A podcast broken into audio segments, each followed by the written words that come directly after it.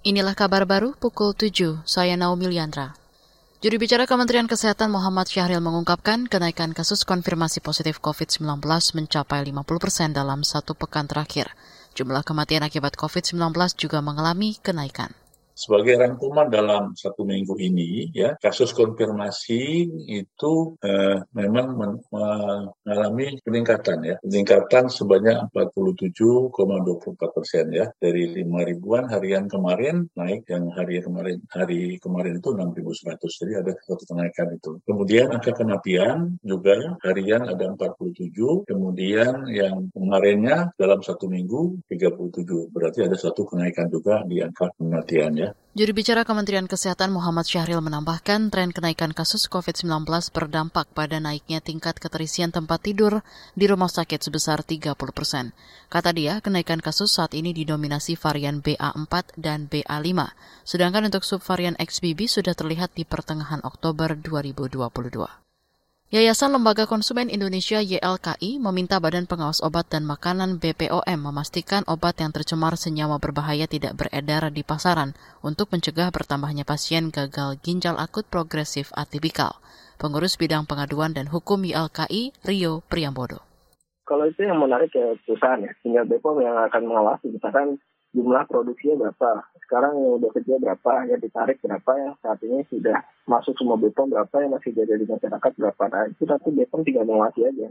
Tanpa ada suatu mekanisme dan sebagainya ketika perusahaan sudah menarik dan sebagainya, maka tidak ada mekanisme kalau misalkan dari BPOM pengawasan maka ini akan menjadi uh, percuma saja.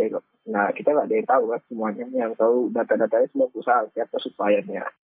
Pengurus Bidang Pengaduan dan Hukum YLKI Rio Priambodo menambahkan pengawasan penarikan obat berbahaya sebaiknya juga dilakukan di toko penjual obat skala UMKM. Dia juga mendorong adanya mekanisme pertanggungjawaban berupa ganti rugi bagi apotik dan pengobatan bagi pasien yang sakit lantaran diduga mengkonsumsi obat berbahaya. Tim gabungan Aremania membuat gerakan supporter melapor gaspol bagi korban maupun keluarga korban tragedi Kanjuruhan. Tim hukuman Tim Hukum Gabungan Aremania, Anjar Nawan Yuski, mengatakan gerakan supporter melapor ini dibentuk sebab proses hukum yang sedang berjalan dinilai belum memenuhi rasa keadilan. Laporan nantinya bakal ditujukan ke seluruh lembaga negara seperti Mabes Polri, Komnas HAM, Komisi Perlindungan Anak, Komnas Perempuan maupun kementerian terkait. Dalam waktu dekat, seperti yang disampaikan tadi, kita akan uh, berangkat ke Jakarta, kita akan laporkan ya dengan konstruksi pasal yang tentunya berbeda dengan yang selama ini bergulir.